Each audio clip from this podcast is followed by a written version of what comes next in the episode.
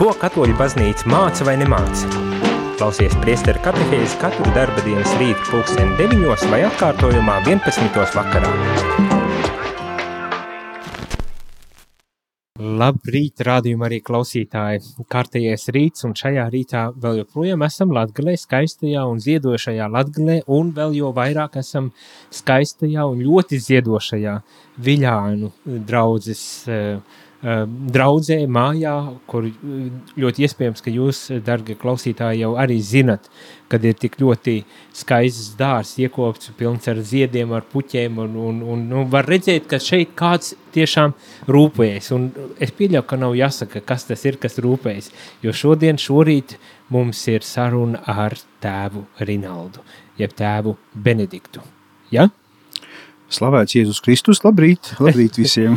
ļoti jau vispirmām kārtām jau gribas man apsveikt lielajā jubilejā. Ir gan aizgājusi, bet es domāju, šajā jubilejā var sveikt daudz un dikti un, un pat arī ar nokavēšanos. Paldies, jā, nu 50 gadi, tas jau ir nopietni. tas, tas jau, jau ir nopietni. Tiešām, tas jau ir nopietni un tas ir skaisti, es domāju. Ne? Tā nav pusdzīve, bet tas ir pusgadsimts, jā, jo dzīve jau lielākā daļa nodzīvot. ne, nu kas to lai zina, mūsdienu, mūsdienu laikos varbūt tās, ka var arī ilgāk nodzīvot.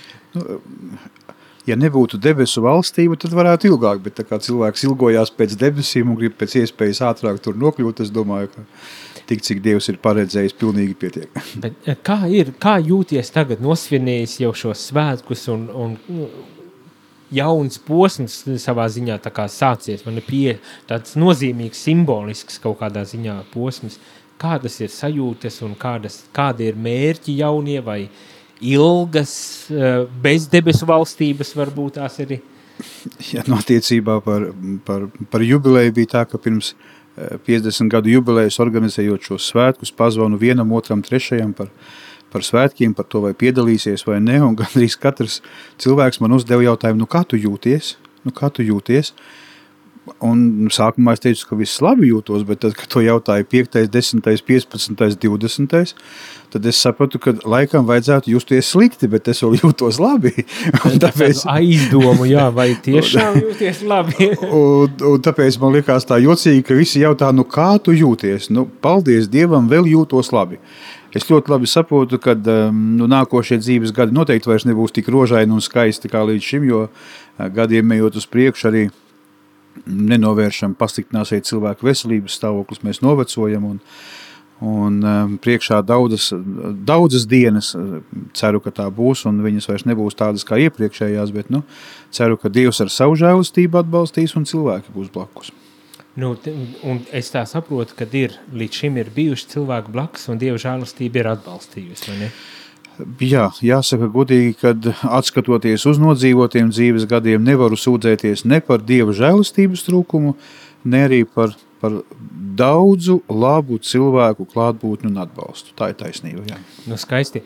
Šajā rītā gribas um, kā, paturpināt uh, šo um, lieldienu laika uh, pārdomu uh, par, par to, ko nozīmē lieldienas, ko nozīmē augšām celšanās, ko nozīmē tas, ko mēs bieži vien kristieši sludinam, prieks, kad, kā pavests Francisks saka, kristiešu zīme ir prieks? Un, un lieldienas ir tas laiks, kad, manuprāt, mēs jo īpaši esam aicināti atcerēties par to un arī izdzīvot kaut kādā veidā šo prieku. Un, un man liekas, tas ir tik ļoti simboliski, ka tev tagad bija dzimšanas diena, kas ir tomēr liela prieka avots arī, jo uz dzimšanas dienām parasti atceras cilvēki vairāk kā ikdienā un, mm un varbūt tās arī iepriecina vairāk kā ikdienā. Un, un, un tā, ne, un ka, jautājums ir tāds, kā šo augšām celtā prieku iegūt, kā saglabāt šo, šo prieku viscauri dzīvē, arī tajos grūtajos brīžos, brīžos un, un kā tiešām dzīvot šo kristieša prieku. Nu, to, ko pāvests Francisks saka, arī iepriekšējie pāvesti ir teikuši, patiesībā prieks ir kristiešu zīme. Jā. Kam dēļ? Nu, tieši tāpēc, ka Kristus ir augšām cēlies, uzvara pār nāvi. Pēdējais vārds vienmēr pieder Dievam, un mums kā ticīgiem cilvēkiem, kuri savu cerību saliekam Dievā, arī mūsu dzīves perspektīva, piepildījums ir Dievā. Uh, nu, ja cilvēks skumjš, drūms atnāk uz dievnamu, skumji, drūmi dievkalpojumā piedalās un vēl skumjāks un drūmāks no dievkalpojuma iziet ārā, tad kaut kas ar cilvēku nav kārtībā. Mm, pilnīgi pareizi, kā teica, jā, varbūt ir slimības, ciešanas, pārbaudījumi, grūtības, viss cilvēka dzīvē var būt, un gandrīz katra cilvēka dzīvē tas viss arī parādās agrāk vai vēlāk, un tomēr, neskatoties uz to, ir šī mūžības perspektīva, ja? Dieva klātbūtne manā dzīvē, lūdzos svēto sakramentu žēlastības, Dieva vārds, svētība, ko piedzīvoju savā dzīvē. Tā arī cilvēkam dod spēku uzlūkot dzīvi pavisam citā kontekstā. Tātad mana dzīve ir ilgas pēc debesīm, un tas cilvēkam, ticīgam cilvēkam dod spēku un prieku. Uh tā kā runāja arī par to, ka no draudzes varbūt tās atnāk kāds noskumis vai bēdīgs vai, vai tāds nomākts cilvēks un varbūt tās pat arī aiziet no baznīcas. Un man šķiet nereti tā arī ir, bet uh, gribas tādu praktiski varbūt tās no arī ļoti pieredzējuši prāvesti perspektīvas, jo uh, cik gadus jau šeit uh, Viļānos kalpo kā prāvests? Nu, jau 11. 11 nu, jau tā jau ir bagāža, vai ne? Ar, ar liela bagāžu.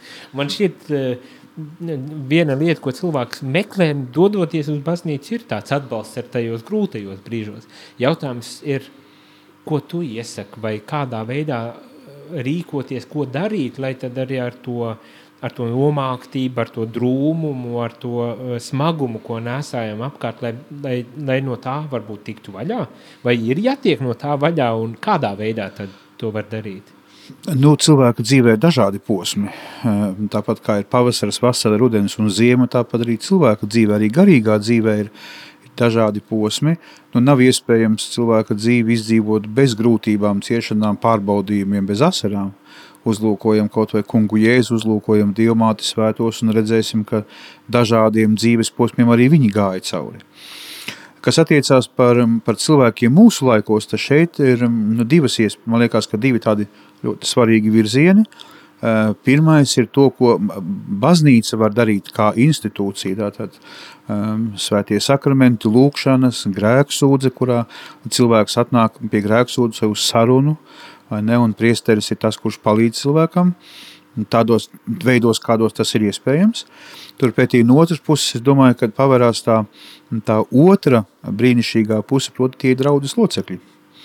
Draudzes locekļi, kuri pazīst viens otru, kuri atnākot uz dievnam un redz, ka blakus ir uh, kāds cilvēks, ar kuru es baznīcā esmu jau gadiem ilgi, viņš ir noskumis, un es viņam pajautāju, kas ir noticis, kā es varu tev palīdzēt. Tā ir tā baznīca kā kopiena, kur viens otru pazīst. Saprotams, ka mūsu dienās, kad um, pavērās daudzas un dažādas iespējas cilvēkam doties uh, brīžiem uz, uz dievkalpojumu desmitiem vai pat simtiem kilometru attālumā, tur, kur neviens mani nepazīst, tur šīs iespējas nav. Bet tur, kur viens otru pazīst, tā ir brīnišķīga iespēja. Ja, es, ja nav, nav kāda draudzes locekļa baznīcā, to redz prāves, to redz pārējie draudzes locekļi, zvana, interesējās, kas ir noticis, kāpēc tu neesi baznīcā. Uh, ir kādas grūtības, ko pārdzīvo, un tas ir zināms. Draudzes locekļi steidzas palīgā. Atceros kādreiz tādu brīnišķīgu piemēru no blakus esošās Rikavas draudzes, kur apkalpoju. Uh, um, no manā priesterības kalpojuma pašos pirmajos gados vai mēnešos bija tāda traģēdija, kad um, vienai vecmāmiņai trīs mazbērni nositās avārijā, traģiska auto avārija. Un es nebiju prāvis, tikai biju vikārs, um, apkalpojot to draugu. Tēvs Jāzips toreiz, kā draugs prāvis kalpoja. Es tikai braucu palīgi apkalpot draugu svētdienās, svētku dienās. Un, uh, un ir Bēras baznīcā, un ir Rīkavas baznīciņa neliela, ir trīs balti zārki baznīcā, nu tāds, nu, ļoti skumjš brīdis, nu, un beidzās um, svētā mise baznīcā un lūkšanas kapsētā un brauc uz mājām, un, un uh, tam šoferim prasu, nu, kā jums izdevās norganizēt tomēr trīs jauni cilvēki, trīs bēres, un viņš man saka, ziniet, draudzi palīdzēja. Un es viņam saku, nu, es neko nezinu, nu, kādā veidā, varbūt, ka prāves zina, ko tēvs Jāzeps vēl nav pateicis. Viņi saka, nē, nē, draudas locekļi, zinot par šo traģēdiju, kāda ir notikusi, apstaigāja visus dzīvokļus, neskatoties uz to, vai tur dzīvo latvieši, vai krievi, vai katoļi, vai, vai vesticīnieki, apstaigāja un saka, ir notikusi traģēdija, mums ir jāpalīdz. Un cilvēki tik, cik spēja palīdzēja, nu šī kundzīte, kur apstaigāja, salasīja kopā, nāk uz mājām, saskaita, un viņai liekas, ka tā summa, kas ir savākta priekš trijām bērēm, ir par maz. Un viņi otrais apstaigā cilvēkus un saka, ziniet, nu, ar to, ko mēs salasījām, tur noteikti nevar noorganizēt visu, ko vajag, un viņi apstaigā, un otrais cilvēki palīdz. Un to, ko cilvēki salasīja, viņi aizgāja, atdeva tai ģimenei, Es nākošajā svētdienā, esot baznīcā, jautāju šai vecmāmiņai, saku, vai tā ir taisnība. Viņa saka, jā. Un es pēc dievkalpojuma saku, mīļā draudze, es jūsu priekšā noliecu galvu, jo evaņģēlijas, kuru mēs baznīcā dzirdam, viņš praktiski realizējas mūsu vidū. Un tas nav vienīgais piemērs tam, to, ko draudzes dara, to, ko, nezinu, tur televīzijā nesludina, vai rādio nesaka, vai avīzēs neraksta. Tā ir tā, mēs teiksim, praktiskā ticība. Ja? Un šeit, ja runa ir par to prieku un palīdzību otram cilvēkam viņu vajadzībās, ja? šeit parādās šī brīnišķīga iespēja to, ko var darīt draudzes locekļi, redzot otra cilvēka vajadzības, pazīstot viņus, steidzās viņiem palīgā. Un tas tā izklausās arī tas, par ko Ehm, par ko bieži vien ne tikai katoļu vai kristiešu kopienās runā, bet arī sekulārā vidē par kopienas nepieciešami kā tādu ļoti spēcīgu atbalsta um, elementu. Tik man tāda sajūta dažreiz rodas, ka mums kā katoļiem, kā kristiešiem ir tā kopiena un tāda ļoti dabiska baznīca izveidojusies, kas trūkst varbūt tās uh, citviet. Un ja vien mēs to novērtētu, šo kopienu, ja mēs, uh, kā teikt, uh, gan tos augļus ņemtu, gan arī varbūt tās dotu pretī ar līdz ar to un, to, un caur to tad ar šo prieku kristiešu tādu patiesu prieku ar iegūt, vai nekas nebūtu vienkārši jautrība, uzjautrināšanās, bet kas, kas dod tādu, tādu sajūtu, tādu kā vietas apziņu vai piederības apziņu, kas sagādā tādu gandarījumu, prieku, ne, mieru varbūt tās ar. Jā, bet eh, no pieredzes varu teikt, ka tas ļoti lielā mērā atšķirās. Vai tā ir liela draudzene vai maza draudzene. Mhm. Jo maza draudzene, lauku draudzene, kur viens otru palīdz, viens otru pazīst, tur šī kopiena izpaudīsies labāk, pilnīgākā veidā. To arī cenšas, saprotams, lielās draudzēs dibināt. Īpaši nu, mūsu pieredze, gan mana, gan tā esot Amerikā, vai ne? Mēs zinām, kā tur notiek visas šīs dāmu komitejas un tikšanās svētdienās un svētku dienās pēc dievkalpojuma, kur visa draudzene pulcējās kopā uz pankūku ballēm vai vienalga pārējās lietas, kas notiek. Ja? Bet um, lielās pilsētas draudzēs tas nebūs tik viegli, tāpēc ka cilvēki kaut kā vairāk izolējās laukos. Uh, tā ir viena liela ģimene viena liela ģimene. Jā, pilsētā tas tomēr būs savādāk. Lai gan tas nenozīmē, ka arī pilsētās nevajag kaut ko tādu darīt. Un, un šī nu, kopienas pieredze eh, draudzēm pastāv jau simtiem gadu. Šogad, pieņemsim, ir Viļānu baznīcas 270 eh, gadi kopš baznīcu iesāka celt šo baznīcu. Pirmā baznīca bija vēl senāka, vai ne? Koka baznīca. Tad mēs varam teikt, ka šeit tā kristiešu kopiena kā ģimene, kā, kā draudzi pastāv jau nu, pie šīs baznīcas jau 270 gadus, un tās saknes ir ļoti dziļas, vai ne? Ļoti dziļas. Es domāju, šis ir ļoti labs mirklis, kad mēs varam aiziet arī mazā muzikālā pauzītē. Dārgie radījumi arī klausītāji neko nepazūdam, paliekam, paliekam pieslēgušies pie mums, jo katehēzes pēc brīža arī e, turpināsies.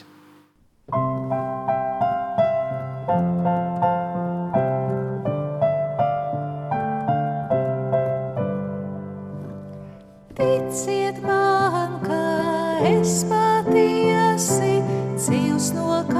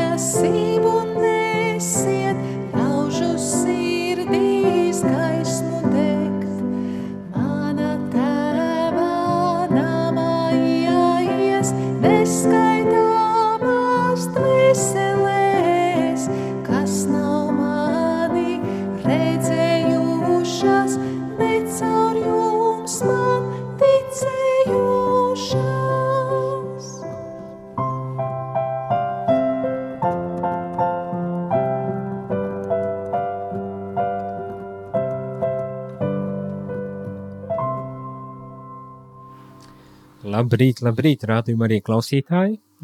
Šeit es, priesteris Jānis Meļņikovs, un ar mani šajā rītā no skaistās Latgales pērles biļāniem tēvs Rinalds. Labrīt, labrīt! Kas Ļoti- nu pat pievienojās mums? Jā. Jā, tieši tā, kas nu pat pievienojās. Šorīt uh, gribas arī ar tēvu Rinaldu parunāties nedaudz vēl joprojām par prieku, bet man liekas, arī ļoti lab, labs tāds pagrieziens bija par kopienas uh, ārkārtīgi svarīgo nozīmi, ko varbūt tās tādā daudz uzskatāmākā veidā var piedzīvot uh, tiešām mazākā ārpus lielām pilsētām, ne?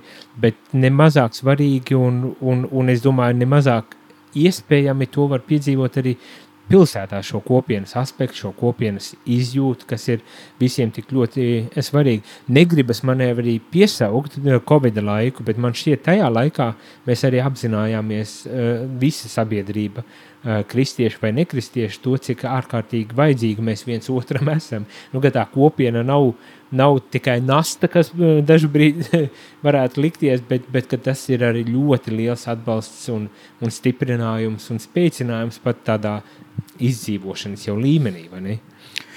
Um, Covidam bija savi plusi un savi mīnusi. Um, tāpat kā jebkuram laikam ir savi plusi un savi mīnusi. Mm, Saprotams, Covid laiks bija izaicinājuma laiks. Daudzas lietas cilvēki bija spiesti pārdomāt, um, savādāk paskatīties uz notiekošo pasaulē, uz kurienes steidzos, kāpēc steidzos, kas tad manā dzīvē ir svarīgs. To, ka šī kopiena ir vajadzīga, ļoti labi to var redzēt, tad, kad mēs kā priesteri apmeklējam slimus vientuļus cilvēkus. Vienalga, vai tā būs slimnīca, vai tas būs pansionāts, vai tad, kad cilvēks mājās dzīvo viens pats, bērni aizbraukuši projām, tētis un mamma, vai tikai tētis, vai tikai mamma ir mājās. Un tad mēs redzam, cik ļoti šiem cilvēkiem ir nepieciešama um, sabiedrība, kopiena, lai būtu cilvēki. Ne tikai tāpēc, ka tad, kad ierodās kāds cilvēks, cilvēki grib izstāstīt atkal visu savu dzīves stāstu, varbūt jau 20 vai 30 reizi, ja, bet, bet cilvēks ilgojās pēc kopienas pēc kopienas. Ja? Paņemsim piemēru kungs Jēzus, kurš um, izvēlās 12 apstuļus. Nevis viens pats atpestīja pasauli, uh, nomirst augšām ceļus, uzkāpt debesīs un darbs izdarīts. Kungs Jēzus, kurš uh, dibina šo kopienu, kopienu, kas ir baznīca. Jā, svētā garā atnākšana, vasaras svētku reizē, taču ir baznīcas dzimšanas diena. Jā. Un šeit šī kopienas loma katra cilvēka dzīvē atrast šo kopienu. Vienalga, vai tā būs ģimene, vai tas būs klosteris, vai tā būs draudze, vai tā būs dažādas tur sabiedriskās organizācijas, ja, bet cilvēkam atrast um, tos cilvēkus, ar kuriem kopā es jūtos labi, ja, kurš viens otram atbalsta, viens otru palīdz. Nu, jā. Uh, varbūt tās nedaudz arī pārlecot uz eh, nedaudz citu tematiku, bet, eh, manuprāt, arī ārkārtīgi būtiski ir par svēto garu. mani. Uh, un, un svētā gara loma vēl nesen, kā man bija saruna ar kādu no klausītājiem, klausītājām, kura man teica, uh, priesteri Jāni, vajag runāt par daudz, vajag runāt par svēto garu. Tagad tuvojas arī tas laiks, kad mēs svinēsim svētā gara atsūtīšanas svētkus. Ne? Ka vajag runāt par dzīvi ar svēto garu un dzīvi svētajā garā. Un es tā domāju, nu, jā, lieldienu laiks, mums tas prieks, tā atjaunotne, kas nāk ar lieldienām un, un, un, un, un viss tas, bet arī apsolījums, ka tiks sūtīts svētais gars, kurš nekad neatstās mūs, kurš darbojas gan kopienā, caur kopienas uh, dzīvi, uh, kā, kā tu teici, man ir gan draudzē, gan klosteru kopiena, varbūt tās ģimenes, uh, ar, ja var nosaukt par kopienu vai kāda cita formāta kopienās, bet dzīve svētajā garā. Kā, kādas ir tavas reakcijas uz šādu apgalvojumu dzīve svētajā garā? Jā, nu šeit es domāju, ka tas pirmais tāds, eh, nu, neteiksim, kad apdraudējums, bet mums ir jāsaprot, ka ir viens dievs trijās personās. Un tagad eh, atstāt novārtā Dievu tēvu, atstāt novārtā Jēzu Kristu un pievērst uzmanību tikai svētajam garam, nu, kaut kur šī, šī, šis dieva attēls sāk būt eh, nu, izkropļots, ne līdz galam ir patiesi. Ja? Tāpēc mums ir jāsaprot, ka par svēto garu ir jārunā un svētajā garā ir jādzīvo. Bet, ja nebūtu pasaules radīšanas un pasaules atpestīšanas, nebūtu arī svētā gara žēlastības. Ja, tas ir viens vesels atpestīšanas darbs, kas mums ir tādā veidā arī jāuzlūko. Ja runājot par svēto garu, o jā, nu, šeit ir jāsaka, mm, atceros vien, nu, tēvu Viktoru Peņķušu pirmām kārtām, Kādreiz eh, pirms daudziem, daudziem gadiem tēvam Viktoram uzdeva tādu jautājumu, kas man tagad pašam liekas smieklīgi, bet toreiz to jautājumu uzdevu. Un, un, un tā gudrība, kas no šī atbildes lūda eh, manā dzīvē, ir svarīga, tāpēc es gribu padalīties ar to. Kādreiz tēvam Viktoram jautāju, tev, Viktor, kurš rožu kroņu noslēpums ir vissvarīgākais?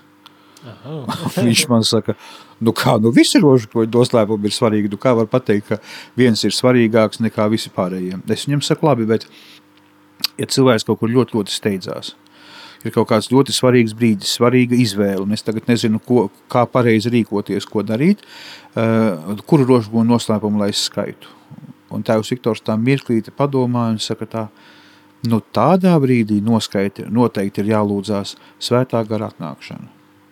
Jo mm, tiešām svētais gars ir tas, kurš cilvēku apgaismo un cilvēkam dod pareizo atbildi, gaismu, gudrību, kā rīkoties šī brīdī, lai šī mana izvēle nāktu par labu ne tikai uh, tagadnē, bet arī nākotnē, tad mūžībā. Ja? Un no tā viedokļa skatoties, tiešām svētā gara lūkšana uz svēto garu, svētā gara piesaukšana, nu, ir ticīga cilvēka dzīves neatņemama sastāvdaļa. No otras puses skatoties, atceros, tagad gan nevaru pateikt, pa kuru svēto, kurš svētais to ir teicis, bija kādreiz mm, cilvēki runājuši ar šo svēto un jautājuši viņam, nu, kas tad nonāk debesīs? Kas ir tie cilvēki, kas debesu valstību sasniedz? Viņš bija mistiķis, un viņš saka, tā, ka viņš debesu valstībā redzējis daudzus cilvēkus. Vīriešus, sievietes, jaunus, vecus, izglītotus, neizglītotus, bet ir bijis kaut kas viens, kas visus šos cilvēkus ir apvienojis. Viņi savas dzīves laikā ir bijuši uzticīgi svētā gara iedvesmai. Un izlasot šo, šo fragmentu no šīs grāmatas, domāju, ka tur slēpjas milzīga gudrība. Nu, tas ir varbūt tas ir tas jautājums. Bet kā palikt uzticīgam šai iedvesmai? Ja tas būtu tik vienkārši. Kas tas ir? Jā, nu, nu jā, tie, bet tieši tādēļ es braukāju apkārt, lai, lai no gudriem, pieredzējušiem prāvestiem varbūt tās kādu vismaz virzienu, kā domāt par šiem jautājumiem, jo tie ir tie, ko cilvēki bieži vien arī uzdod. Vai arī tas pats, ko iepriekš minēja, kādu lūkšanu kuru noslēpumu uh, visvairāk nu, uh, man jālūdz tajā brīdī, kad vajag palīdzību. Te, un tagad, un nav laika uh, visu rožu nolūkties. Mm -hmm. Un tie, tie arī būs tie jautājumi. Man personīgi dažreiz es uzsprāgstu par šādiem jautājumiem. Mm -hmm. Jo man šķiet, nu, nu kā, ne, tas ir par attiecībām ar Dievu. Nu, skaiti mm -hmm. jebkuru lūkšanu, bet lūdziet galvenais. Nevis, mm -hmm. nevis tagad krīt izmisumā un, un ej muļķības darīt, bet, mm -hmm. bet lūdzies. Un tas, kas tev būs tuvākais lūkšanu ziņā, to tu arī izvēlies. Bet eh, man liekas, tā atbilde par to, ka, jā, lūdzu, svēto garu, ļoti laba atbilde tiešām, ne? un, un, un, un, un, un seko tām iedvesmām, bet tagad tas jautājums, kā, kā, kā, pasaki man lūdzu, lai es arī varu to darīt. Jā, nu šeit ir vajadzīga pirmām kārtām pieredze, dzīves pieredze. Tā mums ir pirmā lieta, ja mēs ejam, pieņemsim tādu piemēru no dzīves, paņemsim cilvēks, kurš beidz pirmo klasi, Ja bērnam pajautāsim, vai viņš visu zina, tad viņš teiks, es visu zinu, es taču no skolas pabeidzis, pirmo klasi pabeidzis. Ja cilvēks beidz devīto klasi, viņam jau liekas, ka viņš gandrīz visu zina. Beidz vidusskolu, cilvēks vairs nav tik pārliecināts. Tad, kad cilvēks beidz augstskolu, tad viņš saka, nu kaut kādu daļiņu no visai zinu, jo viņš ierauga visus tos priekšmetus, ko, ko citos novirzienos pasniedz, un viņš saprot, ka no tām visām zināšanām, ko, kas ir pieejama šeit no laicīgā viedokļa, skatoties vai no garīgā viedokļa, es esmu ieguvis kaut kādu mazu daļu. Tas pats būs arī tieši ar svēto garu. Tieši tas pats būs. Ja, ja cilvēks ir pārliecināts, ka viņš perfekti zina svētā gara iedvesmas un, un visām seko, visas izpilda, uh, Tas nozīmē, ka viņš ir tikai garīgās dzīves pašā, pašā sākumā. Pašā sākumā. Jo svētā gara iedvesmu pieņemšana nenozīmē vieglu dzīvi. Tā nav dzīve bez grūtībām, bez ciešanām, kad apkārt būs tikai labi cilvēki, ka, ka viss notiks pēc mana prāta. Nu, viss, ko es esmu iedomājies, viss piepildās. Es tikai noskaitu lūkšanu un dzīvē eju cauri visu laiku smiedamies un, un, un dejodams. Tā tas nenotiek. Mēs pietiek mums palasīt svēto dzīves aprakstus, ja? kad mēs redzēsim, kādām lietām viņi ir gājuši cauri brīžiem pat moceklībai. Ja? Bet šo, šo dieva klātbūtni savā dzīvē neviens nespēja viņiem atņemt. Pat cilvēki, pat naidīgi noskaņoti cilvēki. Ja?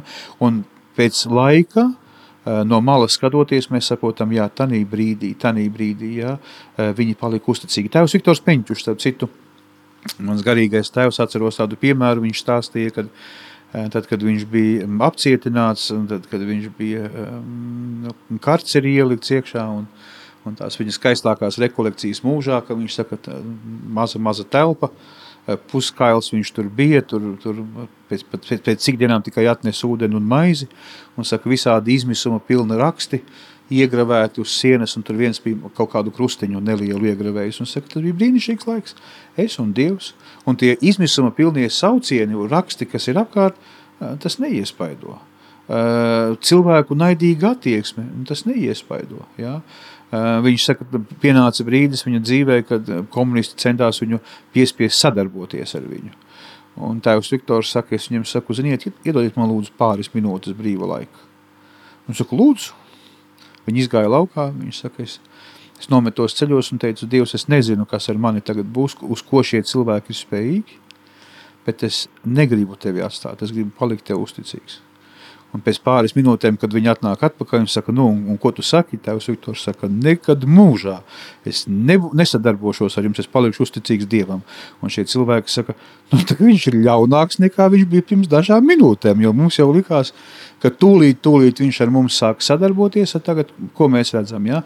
cilvēcīgi skatoties un no dievišķā viedokļa skatoties, tās ir divas pilnīgi dažādas lietas, bet tā Kristus klātbūtne cilvēka dzīvē un sirdsapziņā, nu, tas ir tas rādītājs. Un to brīžiem no malas netik viegli cilvēki spēja novērtēt un saprast, ja šī svētā gara klātbūtne cilvēka dzīvē. Un, un, un, ja pareizi sapratu, tā doma ir par to, ka svētā gara klātbūtne, kuru mēs varam uztvert ar sirdsapziņas balsi vai, vai Jā, noteikti. kaut kādu sirdsapziņas tādu izjūtu par, mm. -hmm. par šīm lietām un, un, un ne tā vienkārši nospiest pogas un viss notiek, kā moderni mūsu cilvēkam patīk to izdarīt, vai ne, bet, bet ka tiešām ieklausīties, kā Dievs sirdsapziņā mani mudina uz labu, uz, uz, uz skaisto, ne, un, un, Nu, nu šeit pajautāt tēvam Imantam, viņš ir, mums ir eksperts morāla teoloģijas jautājumos par, par sirdsapziņu, kas ir brīnišķīga Dieva dāvana mums, nu tur jums iznāktu 12 katehēzes vismaz par, par, par sirdsapziņu runājot, jā.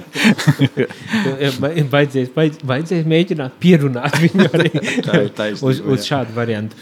Eh, Varbūt tās arī šeit liekam mazu eh, muzikālas pauzes eh, mirklīti, lai pēc tam atgrieztos un, un nedaudz, nedaudz varbūt tās parunātu, atkal nedaudz paplašinot varbūt tās pat arī tēmu, kā, kā man kā katolim dzīvot, vai, ja gribas, kā kristietim, kā man dzīvo, ko tas nozīmē uh, kristietis vai katolis.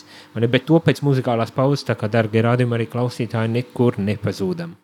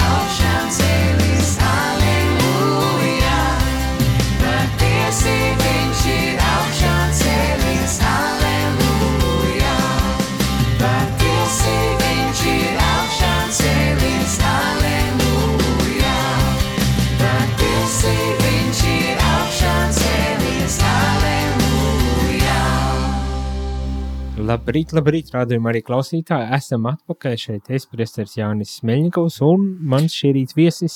Tēvs Rinalds. vai pat īstenībā es esmu viņa viesis, jo esam Viljānos pie tēva Rinalda, kur šo katehēzi arī e, veidojam. Ierakstā, diemžēl ierakstā, bet e, es domāju, ne mazāk vērtīgi un, un skaisti un labas domas. Bet e, noslēdzot šo katehēzi šeit beidzamajā e, katehēzes e, tādā rīta cēlienā, gribas paturpināt par to, ko iesākām, kad mēs esam lieldienu laikā, ka kristieti raksturo prieks, kad kopiena ir būtisks, uh, būtiska kristiešu dzīves sastāvdaļa, kurā tad arī var saņemt atbalstu, un tā skaitā arī iepriecinājumu tais grūtajos brīžos un, un visā tajā.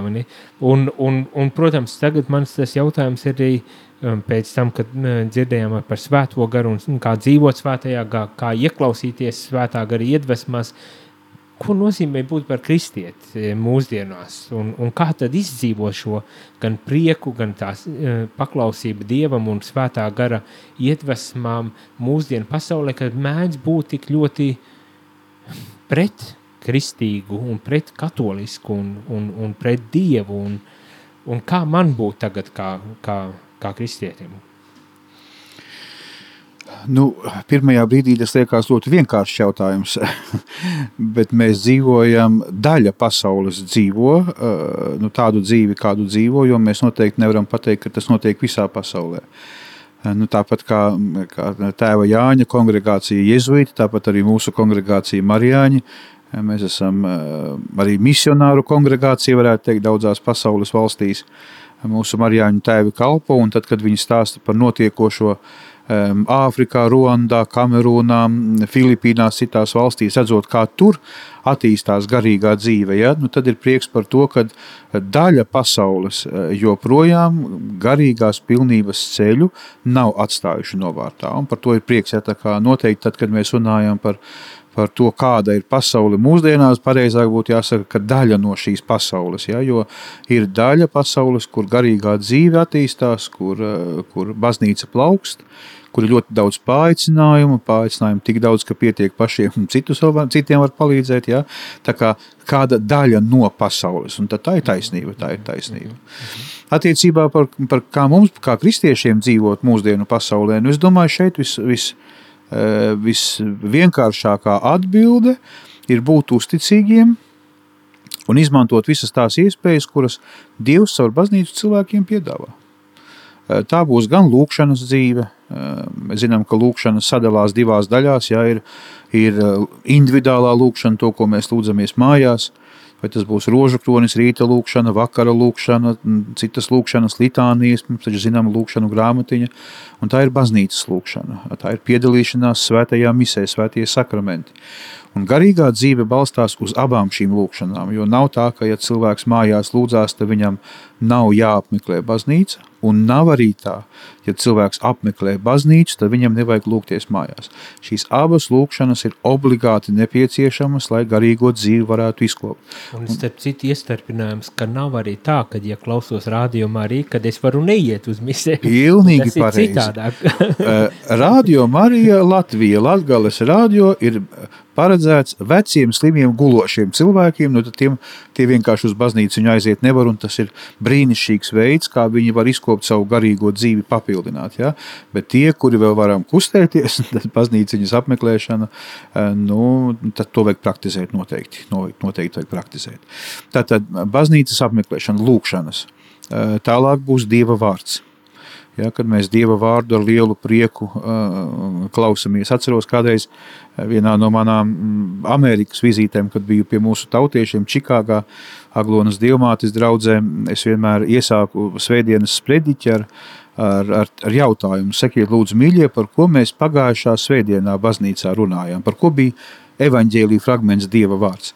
Nu, un mūsu tautieši saka, tēvs, mīļais, mēs neatceramies, ko mēs vakar brokastīs ēdām, ko mēs varam atcerēties, ko mēs pagājušā svētdienā baznīcā dzirdējām. Ja? Bet eh, arvien vairāk un vairāk katru svētdienu uzdodot šo jautājumu, eh, jau pēdējā svētdienā, pirms mūsu pēdējais dievkalpojums, ko vadīju Čikāgā, kad uzdevu šo jautājumu, ko tad mēs pagājušā svētdienā, par ko bija evaņģēlīja fragments, draudze, visi teica, jā, mēs pagājušā svē- svētdienā dzirdējām to un to. Tātad šis Dieva vārds, kuru mēs dzirdam tikai svētdienās, mēs nevaram piedalīties katru dienu, viņam mūsos ir jāpaliek, viņam ir jādarbojās, mums ir jāpārdomā šis vārds. Nevar būt tā, ka tiklīdz dievkalpojums ir beidzies, mēs jau aizmirstam Dieva vārdu, Izejām ārā no baznīcas, mūsu galvas, sirds, dzīve ir piepildīta ar pavisam citām lietām, un Dieva vārdu atceramies tikai nākošā reizē, ja vēl dzirdam viņu. Tas ir cita jau lieta. Ja? Nu, arī, arī. Arī visādi var būt. Jā. Nu, tas, saprotams, būs visi svētie sakramenti, kas mums ir doti. Jā, mūsu, mums ir šie brīnišķīgi septiņi svētie sakramenti, ko Kristus ir atstājis baznīcai, un, un mums visi šie septiņi svētie sakramenti ir pieejami. Visi, jā, nu labi, vai tur būs priesterība vai laulības sakraments, bet nu seši no šiem sakramentiem ticīgs cilvēks viņus var pieņemt, vai, tas ir, vai tā būs laulība, vai tas būs priesterības sakraments, jā, bet sešus sakramentus, eh, caur kuriem Dievs turpina darboties, joprojām jau 2000 gadus darbojās eh, cilvēka dzīvē.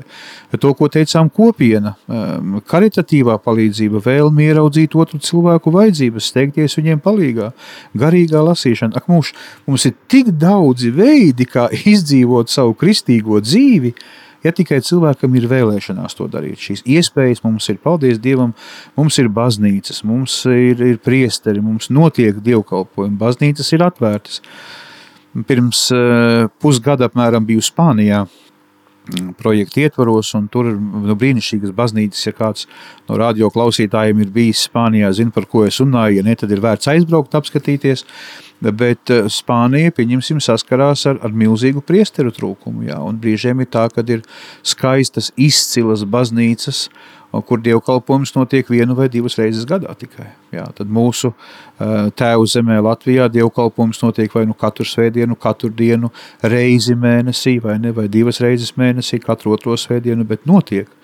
Un kamēr Dievs dod laiku, spēku un veselību, vienkārši to vajag izmantot. Vajag izmantot ja. Tā kā iespējas izkopt savu garīgo dzīvi un sasniegt uh, garīgo pilnību mums ir.